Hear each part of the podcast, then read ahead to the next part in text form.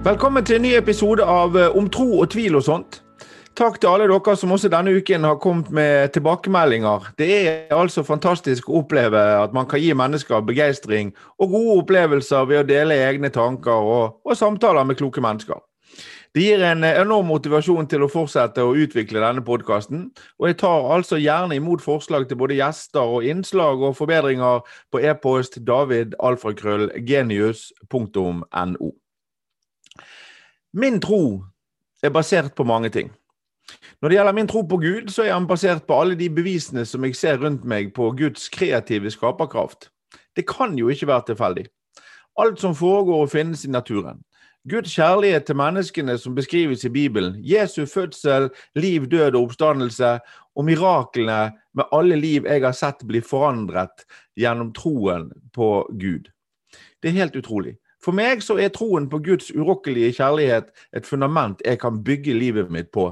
Og igjen, for å sitere min mormor, eller Mimmi som jeg kalte henne, om jeg tar feil, så er det helt greit, jeg har fremdeles et strålende godt liv, men tenk hvis jeg har rett. Så er det det Henry Ford sa. Om du tror du kan, eller om du tror du ikke kan, så har du rett. La oss ta en liten titt over i idrettsverden. De som vinner, de tror de kan vinne. Forleden så var det altså en som var over 50 år gammel, Phil Michelsen het han, som vant en av verdens største golfturneringer. Over 50 år gammel. Det gir oss håp for oss andre voksne mennesker. Men de tror de kan vinne.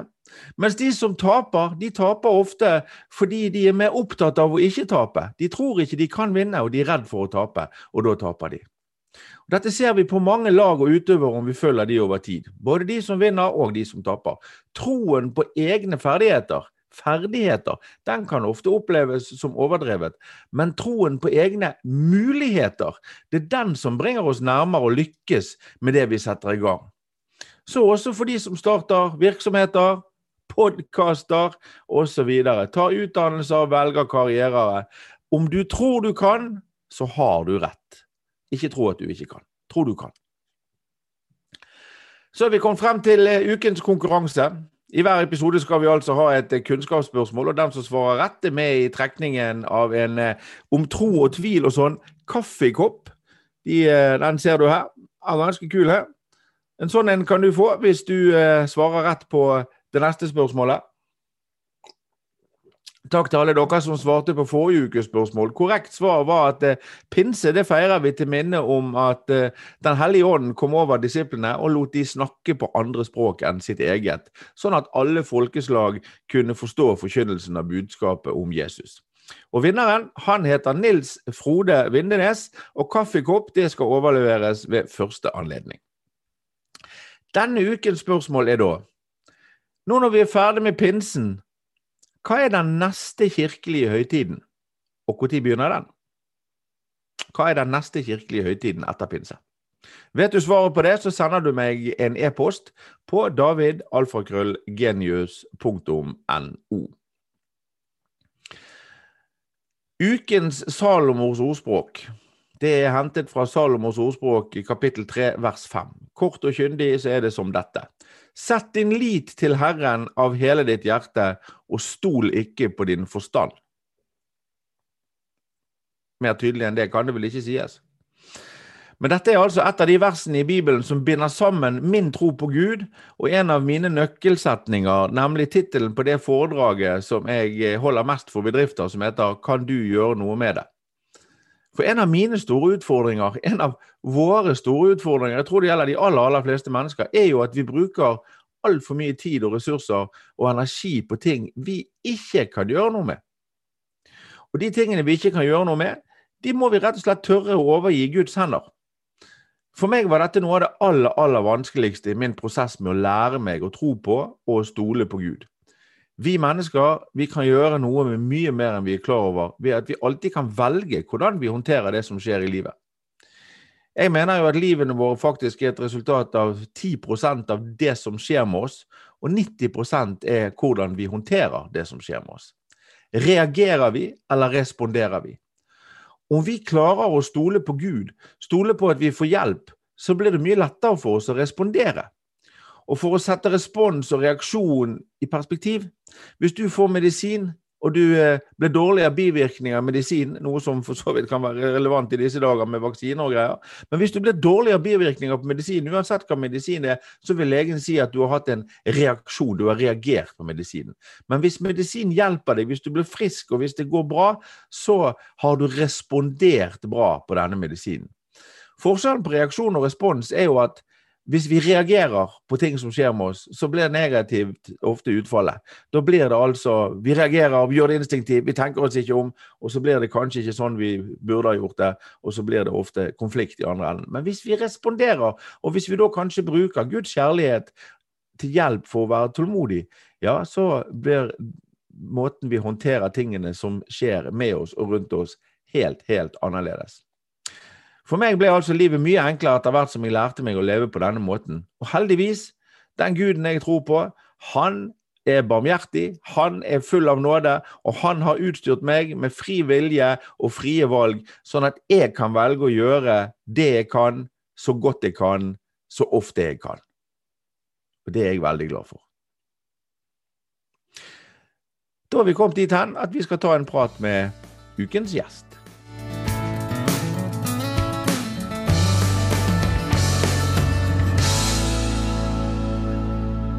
Tor Valdek Brekkeflat. Hva skal vi si? Familiepresten min. Du har jo både viet meg og Du er forresten den eneste presten som har viet meg, som virker. Eh, begravet mine besteforeldre og i det hele tatt eh, Vi har gitt ut bok sammen. Du er en fantastisk nær og god venn. Eh, for mange er du kjent som den første og, og selveste gatepresten i Bergen.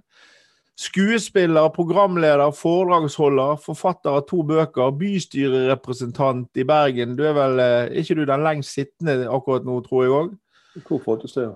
Ja. Og sogneprest i Slettebakken kirke. Og alle har et forhold, eller alle, veldig veldig mange har et forhold til eh, Brekkeflaten. Men hvem er Tor? I dine ord?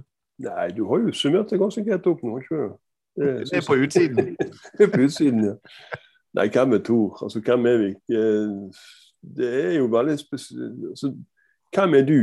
Spørsmålet er jo et, et eh, litt vanskelig spørsmål å få. Ja. Eh, for folk flest, tror jeg. For det handler om du blir litt, litt satt ut. Hvis du ikke blir spurt om hva holder du på med, eller hva jobber du med, eller hvor gammel er du, men hvem er du?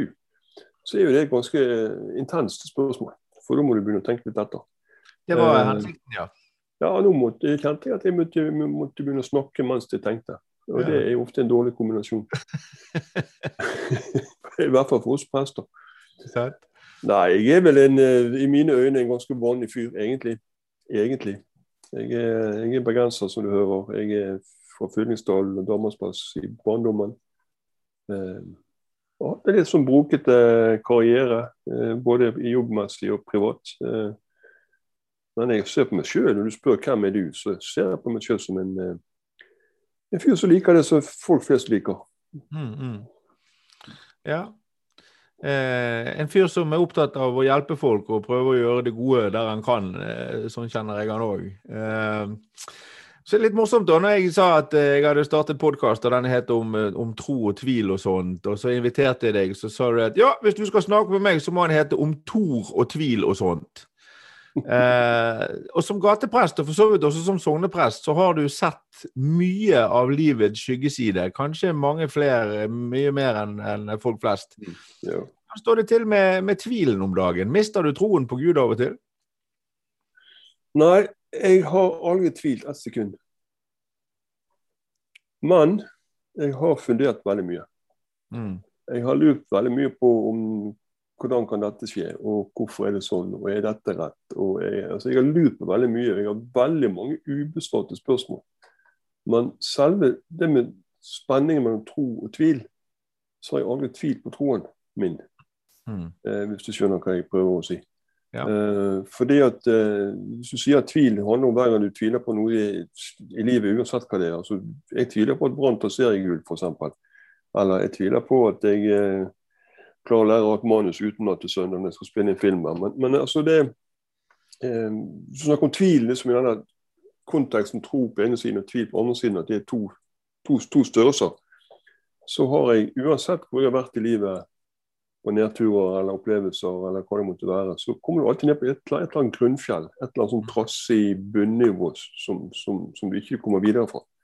Eh, og eh, eh troen er der også trassig bunnivå. Ja. Jeg kan jo tenke meg at det kan være akkurat det å være litt, litt, trassig kan være nødvendig når du er ute på livets skyggeside og skal hjelpe mennesker som har det fryktelig vanskelig, uansett om de er der uforskyldt eller ei. Men liksom, mm. og du ser ondskapen og sånn, så må du kanskje ha litt trass for å på en måte stå for det som du, du tror på. Ja, altså, jeg har fått spørsmålet en del ganger, og jeg, jeg strever litt med å svare ordentlig på det. fordi at du må jo tvile når du ser så mye fælt og sånt, og vondt i verden og sånt. Men alle ser jo det. Alle ser jo på nyheter. Og alle får jo på en måte input på at ting ikke står så bra til alle steder. Eh, men det er et eller annet med at bakom alt dette så er det en eller annen sånn gudegitt eh, tro som, som, på en måte bare blir, blir med hele veien. Mm. Um, så, og jeg kan tvile på mange ting, men jeg, jeg tviler ikke på troen min. liksom. Og så sier du det var mye jeg gjerne skulle spurt om. men Hvis det var noe sånn at uh, du sto der og plutselig fikk anledning til i reneste gameshow og si vær så god, der er Gud, du har ett spørsmål. Hva ville du spurt han om da?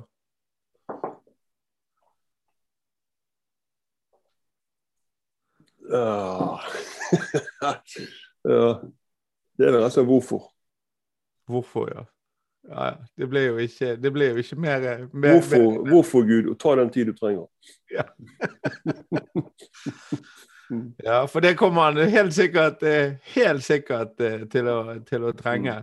Mm. Eh, men hvorfor, ja? Altså, du er jo altså du er regnet som en, en rimelig liberal og inkluderende prest. sant? Og, og, og, samtidig så er det mange som mener at Kirken i dag snakker for lite om synd og det at det finnes ondskap.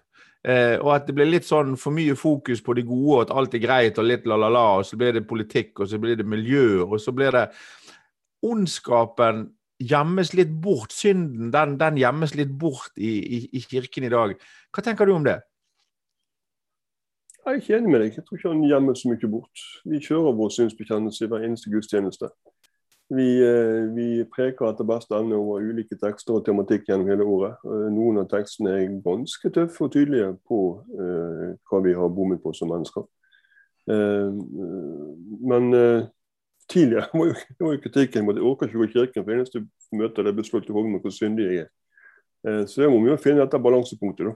Der, der, du tar det å være mennesker og mennesker sammen på alvor.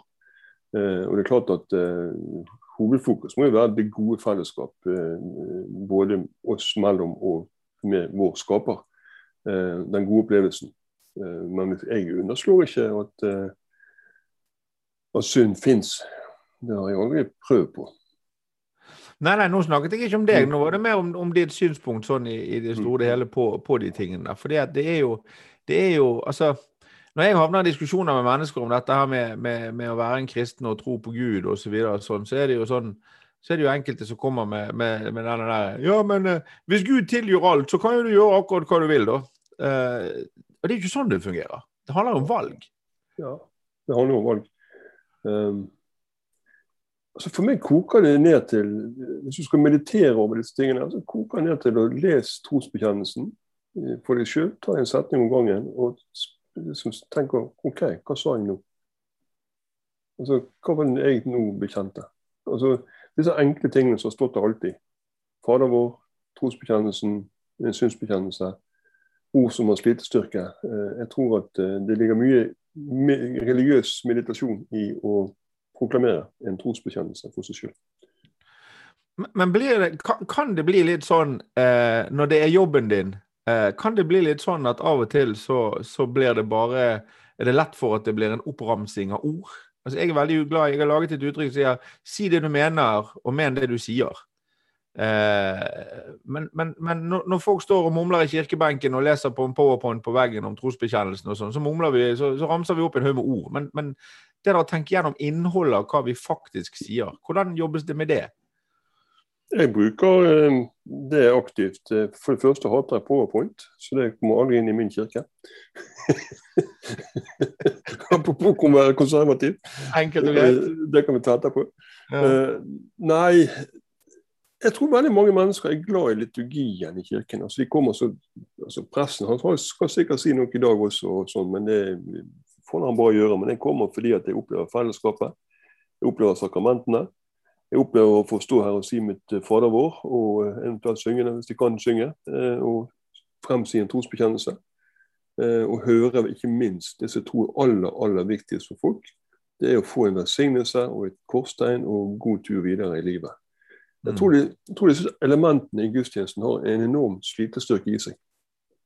Så kan det hende at vi treffer planken en søndag i ny og ne på hva vi sier, at at det treffer noen. Men eh, jeg tror gudstjenesten eh, den har blitt til over lang tid. Mange av de gudstjenestene som folk flest ikke ser, de foregår jo midt i uken, midt på dagtid, og kalles begravelser. Mm. Og du har gjort noen av de etter hvert. Hvordan, eh, hvordan påvirker det å, forrette i så mange begravelser som du har gjort? Hvordan påvirker det ditt eget forhold til liv og død osv.?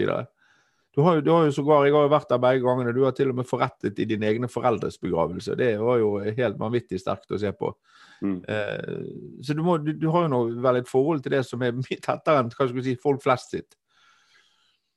Det er veldig tosidig, det der. fordi at eh, Hva det gjør med deg å forrette i mange begravelser. Eh, det er også et spørsmål som jeg av og til får, ikke av og til, men ganske ofte. Hvordan orker du? Uh, og Da er svaret rett og slett at jeg tror at jeg gjør en forskjell. Jeg tror at jeg vil stå litt stødig her og være den som sier høyre og venstre, og, og nå går vi hit og dit. Uh, uh, gjør en forskjell i en, i en, situasjon for folk der de mister litt fotfeste og ikke er helt opp og ned på ting. At det er i hvert fall én person som på en måte tar seg av det seremonielle. Mm. Eh, så det gir meg, eh, gir meg litt eh, drivstoff, kjenner jeg. Men det er klart, du får jo en påminnelse ukentlig på din egen forgjengelighet og din egen udødelighet.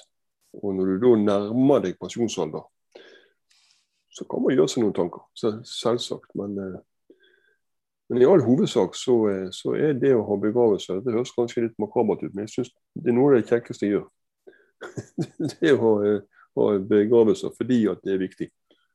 Jeg kan eh, for så vidt relatere meg til det i forhold til at eh, som mange vet, så har jo både meg og min sønn vi har jo gjennom pandemien da streamet en hel haug med begravelser. Eh, så jeg har jo vært i mange flere begravelser det siste året enn folk flest hadde nær sagt. Og jeg også opplever jo ofte å gå derifra med en følelse av å ha fått påfyll, faktisk. Og, og, og jeg tror jeg tror jo at det samfunnet vi lever i i dag, så er vi iallfall opptatt av å gjemme bort døden. Døden er jo like naturlig del av livet som fødselen. sant? Og, og, som jeg har snakket med om folk tidligere, jeg diskuterte det med Doddo i forrige podkast òg. Altså det er jo noe av det tristeste jeg er i, det er humanetiske begravelser. For der er det jo ikke håp. Der er det jo fryktelig trist, og så er det ferdig, så er det ikke håp om noe som helst. Men, mens i en, i en begravelse i en kristen kontekst, så er det håp om at uh, muligens, kanskje er det noe etterpå. og Vi håper og tror på det. Mm.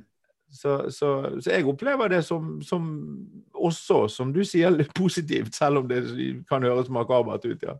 Ja, Det er litt vittig nå under, under, pandemien, sånn at folk får ikke treffes noen steder. Eneste er unntak for begravelser. Så det er jo ja. det er nesten partystemning oppe på Møllendal på tiden. Sånn, for folk liksom får se hverandre. Til begravelse, ikke, ikke så nøye, men du fikk møtt noen kjente. Ja, og presten må stå på talerstolen. Og med, med, for, altså, Prester har alltid vært kjent for å formane, men det du må formane om, er at du ikke klem hverandre etterpå! ja, ja. Nei, vi må, vi må jo si det. Det må sies.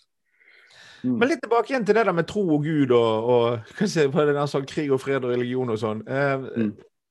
Altså, En av de tingene som for meg er, er vanskelig å forholde meg til, syns jeg av og til, Eh, når jeg leser i Bibelen, det er jo dette her med at Gud er den samme. Gud er den samme fra evighet til evighet. Jeg er alfa og omega, står det i Bibelen. og og Hvordan tenker du om det? Du sier liksom, det der, altså, hvis du vil spørre Gud om hvorfor, det er jo faktisk den samme guden som skapte Adam og Eva, som vi snakker til når vi står i begravelser på Møllendal i eh, 2021. Samme, samme guden, samme alt. Ingenting er forandret mm. hos Gud.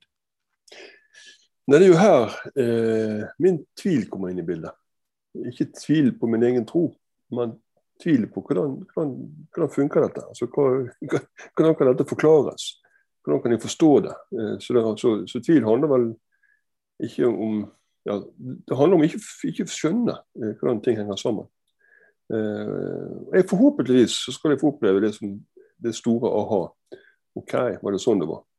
For hvordan dette her henger sammen med utenfor og innenfor, og noe som er utenfor dette livet, og, og det skapte og det evige, det, det, er ikke godt å bli klok på.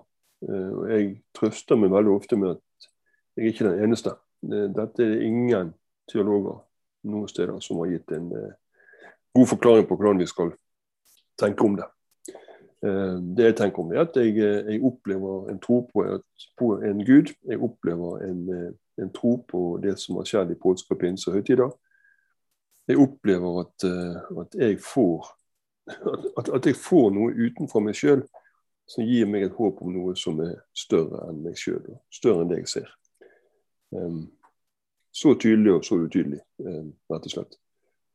Um, men, altså, men også dette med Gud skapte på en måte tiden. ikke sant? Mm. Altså, en gang så skal Det som er tid, skal opphøre. Eh, og Hvordan evigheten fortoner seg, det, det, det, det vet jeg ikke. Men, men, dette med tid og sekunder som tikker, og det forgjengelige, og alt som på en måte kommer, blir og forsvinner, eh, den, den, den biten blir borte. Og Det er ganske svært å få inn i hodet sitt hvordan dette her skal liksom bli. Men eh, det er noe der som er mye større enn hva vi er i stand til å begripe. Mm. Som, som, jeg er litt spent på, for å si det forsiktig. Og det, det, er jo det du sier da i forhold til eh, å velge å tro eller å tvile på eller jeg vet ikke og jeg håper. Det er jo, det er jo de ordene vi deler alle. Eh, og samtidig så skal man da prøve å forklare mennesker som er helt hellig overbevist om at dette er bare tøys. Eh, og sier det. 'Dette kan jeg ikke tro på, for dette går ikke an å bevise, og det er ikke noe håndfast. Det er jo bare en masse ord.' Eh, og så blir det sånn at for oss som tror, så er det jo kjempekonkret allikevel. sant? Eh, jeg syns det er litt interessant at i første Mosebok så står det i begynnelsen Jeg kan ikke sitere det ordrett, men, men vannet var der hele tiden. Mm. I begynnelsen var det bare mørke og bla, bla, og, og, men vannet var der. Første setningen i første setning i Bibelen er i begynnelsen skapte Gud himmel og jord. Ja. Uh, jord, det vet vi ikke. Himmel er litt usikker på. Den er ganske stor. Altså Den skapelsessetningen der innbefatter veldig, veldig mye. Mm. Og ikke minst, altså For meg hjelper dette med å tenke at dette med tid altså Klokkene stopper på dette punkt. Så stopper tiden. Det, det hjelper meg litt i dette. ja. Nei, få det inn i hodet, det inn i hodet det er ikke lett for et uh, stakkars menneske. Jeg lurer på om jeg har skrevet i den boken som står i hyllebak til noe om uh, å få uh, om fader Augustin. Ja, det stemmer, som, det. som han lille gutten som sitter og graver hull på, i, i, sjøkanten på stranden utenfor Roma. Så kommer Augustin som går og grubler på treenighetslæren. Blir spør hva gutten holder på med, og så sier gutten jeg graver et hull sånn at havet kan komme inn her. Og så ble det en tankevekker for kirkefaderen på at ok, sånn er det faktisk med det jeg går og grubler på. Eh, jeg får inn noe, men, og det er sant det som jeg får inn. Det er havet som kommer inn i, i dette hullet her, men herlighet det er en del noe som er uendelig mye større enn jeg har plass til hos meg. Men det er på en måte å belite seg på at det finnes denne, denne forbindelsen mellom meg og dette store. Mm. Ja, og da er det igjen tro. Tror mm. vi på Boken eh, du nevner, ja, den står her. 52 heter den. Meg og deg har laget bok. Og for deg som ser og hører på dette, så kan, hvis du er nysgjerrig på den og ikke har lest den, så går du inn på david.genius.no, og der kan du bestille deg et eksemplar av boken som pronto blir tilsendt eh, mot en uh, bitte liten godtgjørelse. så fikk vi gjort reklamen òg. ja, ja. Flott. Det er ikke så lenge siden, Tor, vi snakket om litt ymse, og så sier du til meg at uh, ja, jeg har blitt mer konservativ på mine gamle dager, og litt mindre rebell enn jeg var før. Hva, hva skjedde? Har jeg sagt det? Ja, du har sagt det, men det handlet om liturgi og ikke om politikk, for all del. Ja, takk for det. Takk for det. Okay. Nei, det handler om eh, Det handler rett og slett om litt det som jeg var inne på tidligere, at det er en slitestyrke i noe her som ikke vi skal tulle med. Eh, og eh, noen ganger altså, i, min, i mine yngre presteår så var jeg veldig der på at nå må vi være en sånn ja-kirke. nå må vi som, Selvfølgelig skal dere få lov til det, og selvfølgelig skal vi kunne bruke det i kirken. Og alt, oi, oi. Og så merker jeg jo det at det ikke at det er så bra likevel. fordi at det er bedre å for eksempel, ha levende musikk enn trykke på play på en kassettspiller i et kirkerom. Det er bedre å ha en, eh, en profesjonell sanger til å synge i Johanneskirken enn å slippe til niesen som rett og slett blir slukt av kirkerommet og ikke får det til. Uh, det er bedre å bruke faglig erfaring og tyngde og si at ja, du kan sikre på det? Kanskje dere skal tenke på sånn og sånn og sånn. For når denne dagen kommer og det er stor dag, og det er en dag vi har mye følelser og det er mye bevegelse, så skal dere kanskje tenke litt annerledes enn at det skal være så kjekt og, og annerledes, på en måte.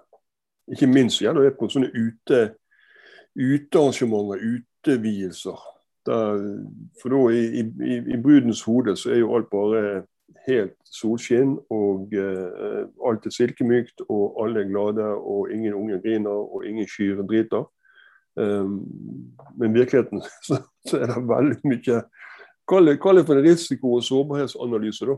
Uh, ja. på, lit, på, på, liturgi og sånt. Mm. Ja, og plan A er at det regner, sant? ikke sant. ikke sant. Nei, men det har noe med å ta, ta inn over altså Folk sier må vi, må vi ha salmer i en begravelse. Uh, og da sier jeg nå ja, det må du. Mm. Men, uh, men, du kan velge vekk én av dem. Eller du kan få noen til å synge dem for deg. Mm. Eller, og det finnes faktisk salmer som kan funke. Skal vi lete sammen? Um, ja. Men, men, er det kanskje et tegn i tiden på For det har jeg tenkt på, at det, det er blitt litt sånn Eh, det er så lett å velge vekk det høytidelige, på en måte. Alt skal være så tjomslig, alt skal være så nedpå, alt skal være flatt, og alt skal være tilgjengelig og sånn. Sånn at, at, vi er på en måte blitt vant til at høytid, det velger vi litt bort. Er det noe med det? Nei, jeg tror det er mer Jeg tror det er mer eh, Jeg tror ikke de velger bort noe. Jeg tror folk ønsker å være litt sånn kreative inn mot sine egne store dager. Bølle, f.eks.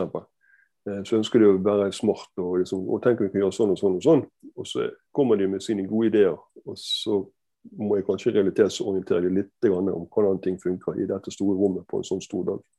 Ja. Mm.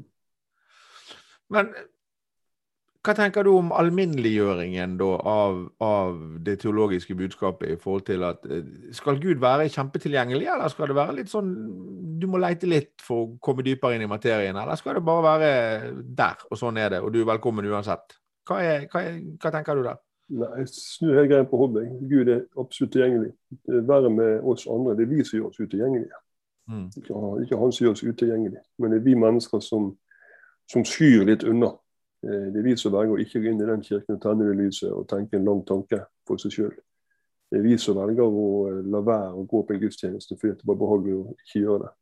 Det er vi som velger å ikke lenger høre på en morgenandakt som vi gjorde før. Eller, eller bare sånn utfordre seg sjøl litt, eller, eller um, unne seg sjøl en, en, en, annen opplevelse. Unne seg sjøl å bli utfordret litt på disse tingene. Um, det handler ikke om Guds tilgjengelighet, for den er der. Det handler om hvor tilgjengelig vi gjør oss sjøl. Ja, eh, godt uttrykk der, å tenke noen lange tanker. For det, det, tar vi jo altså generelt, vi mennesker, sånn som det er nå, når du får input alle veier fra hele tiden. Det, det å ta seg anledning til å sitte ned og tenke lange tanker, det er ikke det mange som gjør. Nei, Jeg sliter med det sjøl, rett og slett. Fordi at du hele tiden på vei til noe. Du skal sjekke mobilen, og du skal huske du skal gjøre, du skal og så. Og så er du kanskje litt, litt redd, for, redd for disse lange tankene. Ja. Eh, jeg ser jo folk altså Jeg setter opp kirkedøren på kirken eh, når jeg er på huset. Så den er alltid åpen. Så kommer det på tid til annen et, et eller annet menneske inn og sier kan jeg få lov inn i kirken. Ja, selvfølgelig. Og Så blir det mennesket sittende der, og så ser litt på avstand at hun går og henter seg lys, tenner et lys, sitter lenge. Og pusler ut igjen med en liten sånn tørker seg øyekroken og sier takk, for, takk, takk skal du ha, og så går de videre. Da tror jeg det var utrolig viktige minutter for vedkommende, som har gitt seg sjøl dette, dette, rommet. Um, hva som foregikk, vet ikke jeg, men jeg tror det er viktig. Ja, for det er arenaer der du kan finne stillhet, de er, det, de er det langt imellom eh, i det samfunnet som vi lever nå. Jeg opplever i hvert fall at det er da jeg finner Gud, når det er stille. Du klarer, Ofte så er det, det til å snakke med Gud når det er så mye støy rundt meg som det. Så jeg må finne noe stillhet for å prate med Gud. Sånn har jeg det. Ja. Jeg er skikkelig dårlig på å be. da. Jeg har prøvd så mange ganger. Jeg får ikke det til. Som setter seg ned hjemme som aftenbønn eller morgenbønn. Eller. Så jeg er veldig glad for at jeg, jeg jobber og jeg har et yrke der jeg er nødt til å be. så det er pålagt meg å gjøre det. Eh, mm. Det, det, kjennes veldig deilig. Eh, det var vel professor som ga meg vitnemålet på fakultetet, som hilste meg med følgende ord. Ja, ja, Brekkeflat. Noen kalles vel til prest for å bli bevart som kristen. Og Jeg syns det var snodige ting å si, men jeg har vel kanskje skjønt litt mer etter hvert. Jeg har på en måte vært, uh, vært uh, tvunget til å være en del av dette. Mm. Med, altså med, med, med positivt fortegn. Jo da, for all del. Uh, men det du sier der, det tror jeg kan være til hjelp for veldig mange. For det er akkurat det der å be, og det å takke. Jeg, jeg har lært meg til en rutine der jeg starter dagen med å takke. Uh, og det tok lang tid før jeg ikke syntes det var fryktelig løyent å stå der uh, rett opp og ned for meg sjøl og, og, takke for både det ene og det andre og det tredje. og sånn. Det det at da en prest faktisk kan sitte her og si det at jeg er dårlig på å be, det tror jeg kan være til inspirasjon for mange, rett og slett. Ja, ja ja, hva, man så kan spørre hva er å be. Altså, be for meg er en måte å puste inn og ut uh, Puste inn og ut og være i en eller annen større sammenheng. Og jeg kan tenke, og kanskje mine tanker er en bønn, men, men, uh, men den her som, som setter seg ned med boken sin og listen og 'nå skal jeg be for de og de og de i dag', sånn, det, det, er ikke, det er ikke meg helt. Nei. Så må jeg noen ganger, for da kommer fru, eh, fru, Hansen til meg og sier kan du være snill å be for min familie og mitt, mitt barnebarn. Så sier jeg selvsagt, fru Hansen. Så går jeg og gjør det. Eh, Men eh, ja, vi er litt forskjellig laget. Men hvor mye opplever du at fordi at du er prest, så forventer folk at du skal, eh, også du, skal leve innenfor en eller annen form for ramme, liksom. Og du har jo, du har jo Vi har jo begge en, hva skal du si, en, gått en interessant vei i livet. sant? Og, og du har fått mye juling og vært på forsider av aviser og alt mulig pga. valg du har tatt. Er det, er det blitt altså Det der å leve inni den der prestefirkanten, eh, er det blitt bedre? Veldig mye bedre. Uh, ellers er folk bare gått altså bare gitt opp. Jeg vet ikke. Nei, jeg har et, eh, jeg har et eh, Altså, jeg begynte i Bergen i, midt på 80-tallet. Eh, som du sier, noen valg i livet og noen ting skjedde som gjorde at man eh, fikk kreft. På ymsevis. Um, men det har skjedd mye siden den tid. Altså, de, de 35 årene som jeg har vært prest nå, de, det er stor, stor forandring. Og Jeg ga meg jo som prest etter jeg var ferdig i Bymisjonen og hadde en pause noen år og gjorde noe helt annet som du vet, mest av alt. Mm. Um, men når jeg så kommer tilbake nå og får tilbud om å vikariere i en normal menighet, uh, og til og med søkte stillingen og fikk den, så er det en helt annen uh, kirkevirkelighet uh, som møter meg nå, som møtte meg den gangen. Men det kan ha noe med Slettebakke menighet å gjøre. For det er en ekstremt raus forsamling. Eh, og en sånn ja, eh, ja, vi heier på hverandre alle sammen hele tiden, eh, menighet, som jeg syns er helt vidunderlig å være prest i. Så er det kanskje ikke alle prester som er like, like har det like greit alle andre steder. Mm. Um, så, ja. Ja. Men det, det, det, er klart det har skjedd en, en, veldig, en, en positiv endring på dette. Det har jo det for meg som kjenner deg så godt som jeg gjør, så har det vært helt fantastisk å se hvor du har blomstret også når du har gått tilbake igjen til å bli sogneprest og i Slettebakken menighet. Dere kler hverandre, både, både, du og menigheten og kirken passer, passer veldig godt sammen. Mm. Eh, vi begynner å komme til veis ende, og, og, det som jeg ikke har eh, nevnt for deg før vi begynte, det er jo det at, at eh, vi pleier å avslutte disse sendingene med å lyse velsignelsen. Og når jeg nå har en prest med meg, så ønsker jeg jo å, be deg om å gjøre det når vi sier takk for, takk for i dag. Men, men, før vi sier takk for i dag, så er det bare et par ting som jeg skal, eh, jeg skal si. Eh, det ene er at jeg vil takke både deg og du som hører på, og, og Tor for å være gjest, og, og min sønn lillemann John Edvard som produserer dette. Si fra at eh, om du har noen meninger eller noe du har lyst til å bidra med, eller noe som helst som gjelder denne podkasten, så kan du sende meg en mail på davidalfakrøllgenius.no. Og så skal jeg introdusere neste ukes gjest, og det kan bli litt interessant i forhold til det meg og deg nå nettopp snakket om, Tor. For det, hun heter eh, Hun har det klingende navnet Solveig Konstanse Algerøy Hjørnevik. Solveig, hun er flink å synge. Hun er flink ja, å synge. det er nettopp det. Hun er kjempeflink å synge. Og så er det litt spennende, for hun jobber både som gravferdskonsulent, hun jobber som artist, og hun jobber som visevert. Og hun er veldig tydelig på, på hvor hun står i sin kristentro, og har opplevd store utfordringer fra en del mennesker i forhold til hvordan kan du som er kristen jobbe i miljøer som visevert, der det serveres alkohol osv. i bryllup og være med og lage fest. Så det, det skal vi snakke om, eh, om, neste uke, så det kan bli litt spennende. da. Ja. Så hvis ikke du har noe mer på hjertet, Tor, så har jeg lyst til å si tusen takk for at du var med i denne utgaven av Om Tor og tvil og sånt. og så ber jeg om at uh, du tar oss ut herifra ved å lyse velsignelsen. Det skal jeg gjerne gjøre, og da skal jeg rett og slett gjøre det på gamlemåten, som de gamle keltere gjorde. Eh, når de skulle ut på den lange reisen til Tirananuir. Må dine veier komme deg i møte, og vinden blåse bak din rygg. Må regnet falle mildt på dine åkre, og solen varme dine kinn. Må du alltid være i Guds gode hånd til vi ses igjen, min venn. Takk for nå. Takk for nå.